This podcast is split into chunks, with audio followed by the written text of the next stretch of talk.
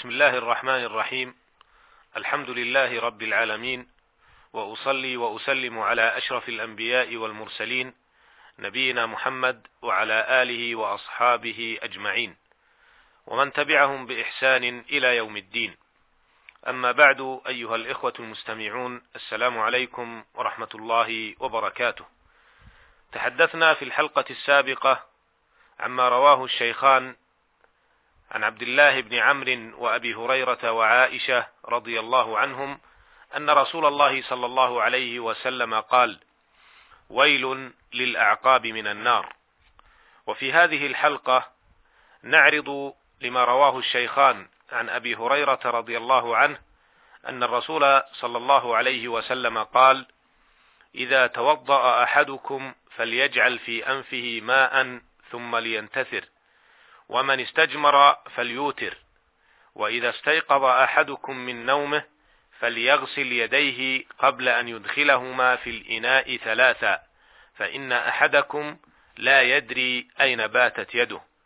وفي رواية لمسلم فليستنشق بمنخريه من الماء وفي لفظ من توضأ فليستنشق. هذا حديث عظيم فيه مسائل مهمة في الطهارة ينبغي لكل مسلم أن يقف عندها متأملا مطبقا هدي النبي صلى الله عليه وسلم مسترشدا بأقواله وأفعاله. أعرض هذه المسائل في الوقفات التالية.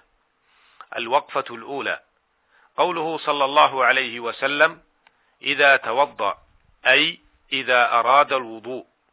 قال ابن حجر رحمه الله إذا شرع في الوضوء. الوقفة الثانية. قوله فليجعل في أنفه ماء ثم لينتثر. في بعض الروايات لم يذكر ماء وذلك للعلم به. ولهذا قال بعض أهل العلم فيه جواز حذف المفعول إذا دل الكلام عليه. أما قوله لينتثر في رواية لينثر والمراد بالاستنثار إخراج الماء من أنفه بعد الاستنشاق. والاستنشاق هو اجتذاب الماء بالنفس إلى باطن الأنف حتى يصل إلى الخياشيم. هذا هو الاستنشاق الكامل والذي عبر عنه في بعض الأحاديث بالمبالغة كما في قوله صلى الله عليه وسلم فيما رواه الإمام مسلم رحمه الله وغيره وبالغ في الاستنشاق إلا أن تكون صائما أما حكم الاستنشاق والاستنثار في الوضوء فالظاهر من الأمر في هذا الحديث الوجوب وهو المشهور من مذهب الحنابلة وما رجحه كثير من أهل العلم منهم الإمام الشوكاني رحمه الله. وذكر عدة أدلة أخرى تؤيد هذا الرأي منها ما رواه ما رواه الإمام الترمذي وصححه والنسائي وأحمد وغيرهم عن سلمة بن قيس أن النبي صلى الله عليه وسلم قال: إذا توضأت فانثر. وما رواه البخاري ومسلم رحمهما الله عن أبي هريرة رضي الله عنه أنه قال: قال رسول الله صلى الله عليه وسلم: إذا استيقظ أحدكم من منامه فليستنثر ثلاث مرات فإن الشيطان يبيت على خياشيمه. وفي رواية إذا استيقظ أحدكم من منامه فتوضأ فليستنثر.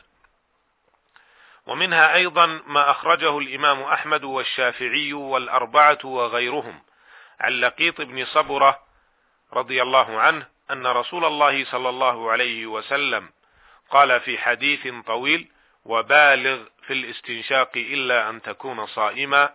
صححه البغوي وابن القطان والنووي وقال الترمذي حسن صحيح.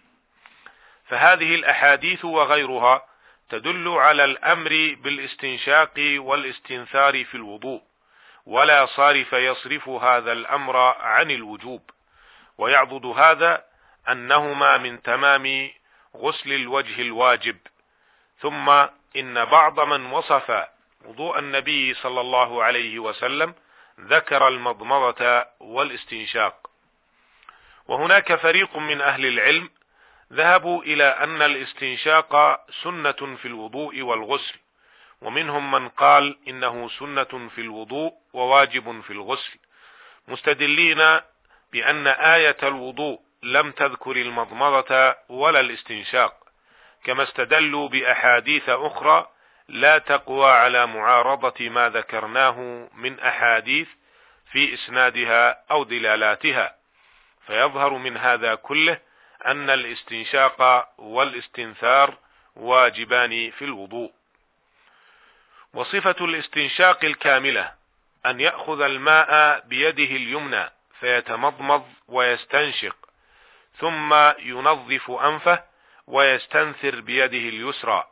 يفعل ذلك ثلاث مرات لحديث عثمان رضي الله عنه في صفة وضوء رسول الله صلى الله عليه وسلم وفيه ثم أدخل يمينه في الوضوء ثم تمضمض واستنشق واستنثر متفق عليه.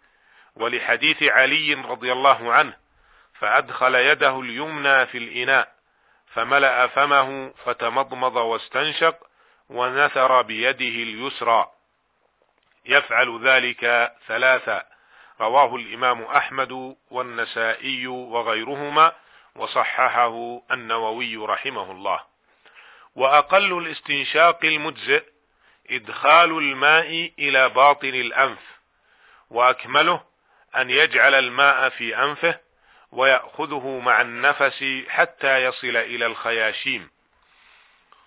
ثم يستنثر بعد ذلك وذلك بأن يطرح الماء والأذى من أنفه سواء كان بإعانة يده أم لا والأولى أن يستعين بها.